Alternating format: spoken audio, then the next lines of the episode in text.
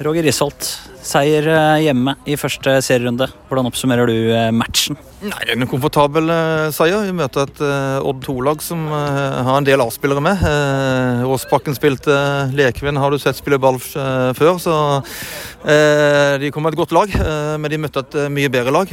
første gang har vi god kontroll. De har vel én-to sånne småfarligheter. Vi har fem-seks store. Men andre gangen så er det jo fullstendig kontroll og dominerer andre ganger fullstendig og skaper seks veldig store sjanser. og Så får vi 2-0 og det er ja, veldig komfortabel seier.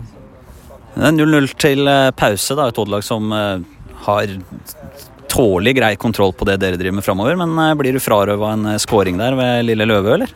Ja, Det vet jeg ikke. Jeg tror Odd hadde vel ikke så god kontroll. De slipper til fire-fem store sjanser. Det er første seriekamp hjemme mot et veldig godt Odd 2-lag, men vi visste at det ville åpne seg opp i andre omgang der. og Spesielt etter punktene i pausen, at vi måtte utnytte det bakrommet. Hvis Odd har tenkt å stå så høyt mot Arendal på hjemmebane, så må vi utnytte det. og Det gjorde vi jo etter ett minutt med Ole Mai som satte han bak der. og så Etter det så har vi jo veldig god kontroll, og Odd har vel et skudd på mål etter 83 minutter andre omgang. Ellers er det lite fra dem å hente. men vanskelig lag å møte. De lå lavt i 5-4-1, og da er det Sånn sett fra i fjor så hadde vi litt problemer med å skape de store sjansene. Det klarer vi nå, og det klarte vi i dag òg.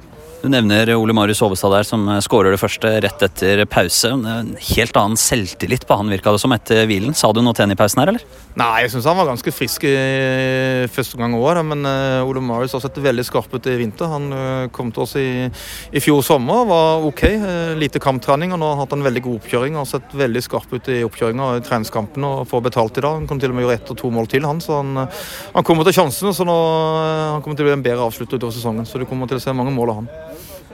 Da gleder vi oss til resten, som har lykke til mot Egersund om ei uke. Takk for det.